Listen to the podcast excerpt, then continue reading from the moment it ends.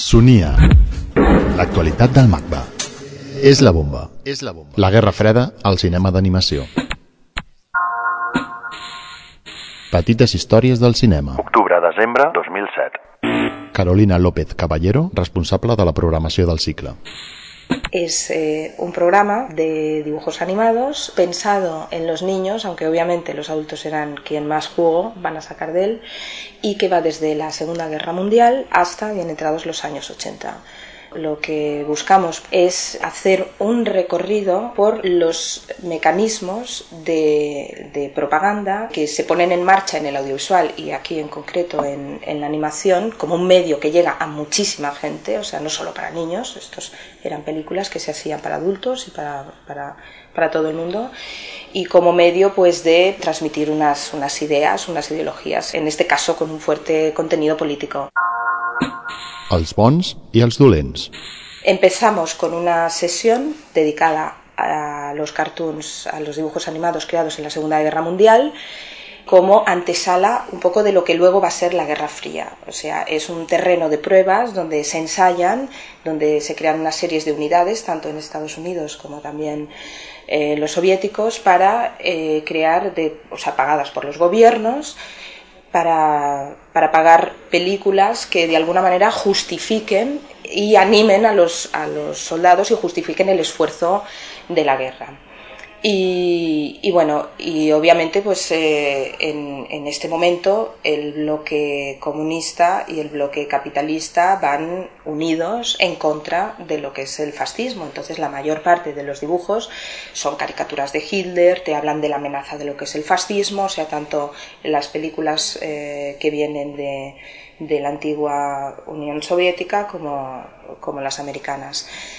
Y, y, bueno, y decir pues que estudios como la Disney, como la Warner Bros. Eh, en, y por la parte rusa, pues bueno, todos los mejores eh, artistas, animadores de la época se unían en este esfuerzo, digamos, de, de la guerra para mostrar al, al, enemigo como, como el demonio, ¿no? O sea, salen caricaturas también, pues de de Hirohito, de Mussolini, pero sobre todo Hitler es el que sale obviamente eh, peor parado.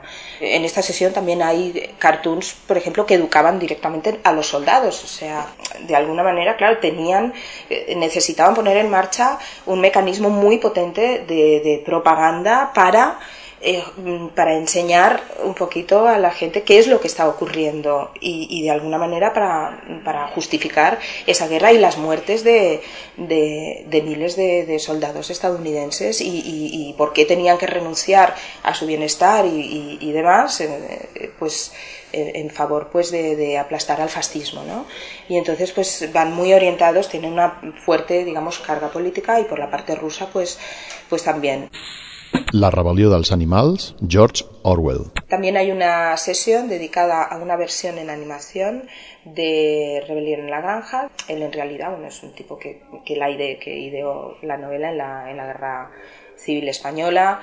Eh, es, un, es un autor que no es que estuviera en contra del comunismo, pero sí del totalitarismo y él quiso, escribió una novela antitotalitarista, pero que el Departamento de Defensa americano cogió la idea y entonces convirtió en un guion revisado siete veces por, por departamento, o sea, reescrito hasta siete veces, la Joy Bachelor, que junto con John Halla son los que firman la película, así, así lo escribía en, en sus memorias, y eh, al final estaba aburrida porque todo el mundo quería convertirla, de alguna manera, subvertir la, la idea original y convertirla en un alegato antisocialista, eh, anticomunista. Comunisme contra capitalisme. Aquí es propaganda pura y dura. Te muestra cómo tanto los de un bando como los del otro dicen lo mismo o utilizan los mismos mecanismos muy similares para atacar justo lo que el otro está ensalzando. Para que te hagas una idea, pues a lo mejor tienes una película en la que te intentan decir los capitalistas que para que la maquinaria funcione tienes que gastar, tienes que vivir del crédito, porque es la única manera que todo ese mecanismo capitalista esté engrasado, funcione, que tú tengas un buen sueldo, que puedas conseguir una serie de cosas y demás.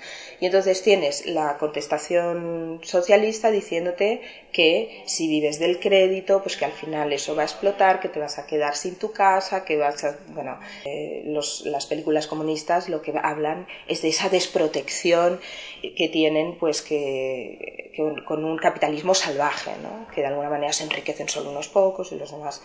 Eh, bueno, es, es, un poco una, una sesión que a excepción de dos o tres títulos que realmente son de una calidad artística mm, notoria, el resto son mediocres en cuanto a la factura, pero muy interesantes sobre todo porque se están programados como una partida casi de ping-pong, ¿no? Del uno dice y el otro contesta.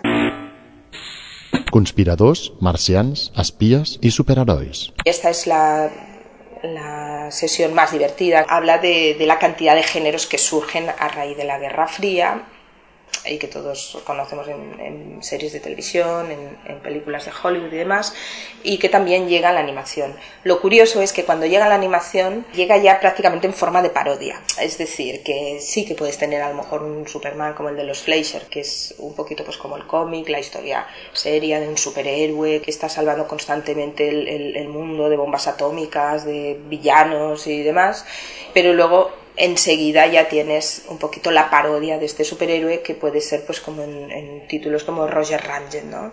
que es como una especie de, de héroe superamericano y que desde el minuto cero ya se están riendo mm, de, de, todos los tópicos de superhéroe, de todos los tópicos de espías, de todos los tópicos de marcianos. ¿no?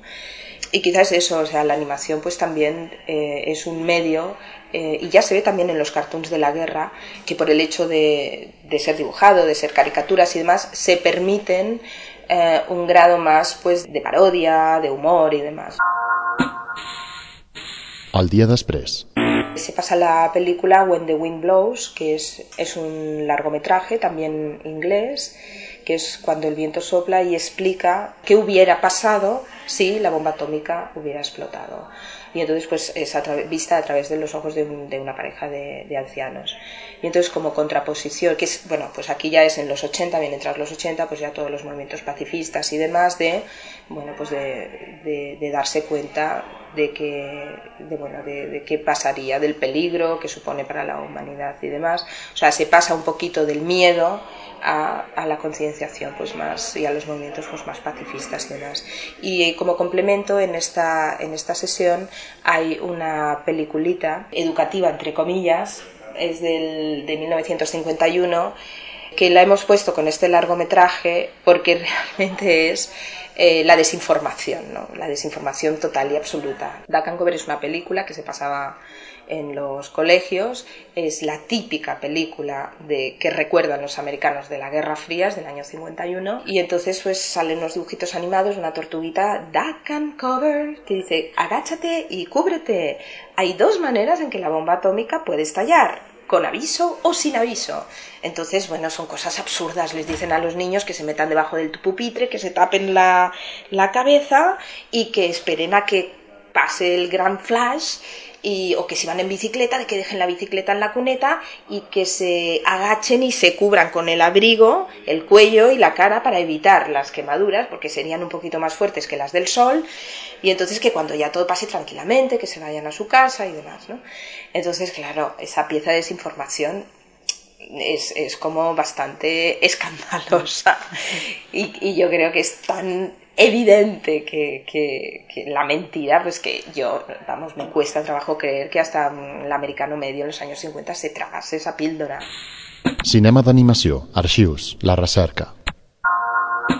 En cuanto a los materiales, sí que es verdad que hay grandes productoras, pues que los cartoons que son de guerra y demás, tiende a querer retirarlos de circulación porque considera que no son políticamente correctos y demás, pero que en un momento dado, pues si las piden, son parte de su historia, están ahí y las, han cedido para su proyección. Luego, los americanos, las piezas estas de propaganda, que están muchas de ellas colgadas en los archivos Prelinger, que son los archivos maravillosos que existen, que ahora están online. Ahora, lo que sí que realmente me ha costado muchísimo trabajo, nos ha costado, ha sido conseguir las piezas eh, comunistas, porque eh, en todo lo que es en general los archivos rusos hay un caos fabuloso y entonces incluso para que te hagas una idea estas películas que son que, vienen de, los archivos estatales las hemos conseguido a través de Estados Unidos, o sea, porque ha habido unos rusos que las han comprado y las han vendido después. Pero si no es muy difícil acceder a todo ese material y aunque hemos conseguido poner muchas piezas, em, muchas piezas soviéticas, seguro que hay muchísimas más que nosotros desconocemos y lo que nosotros hemos enseñado, pues yo creo que es un poquito la punta del iceberg.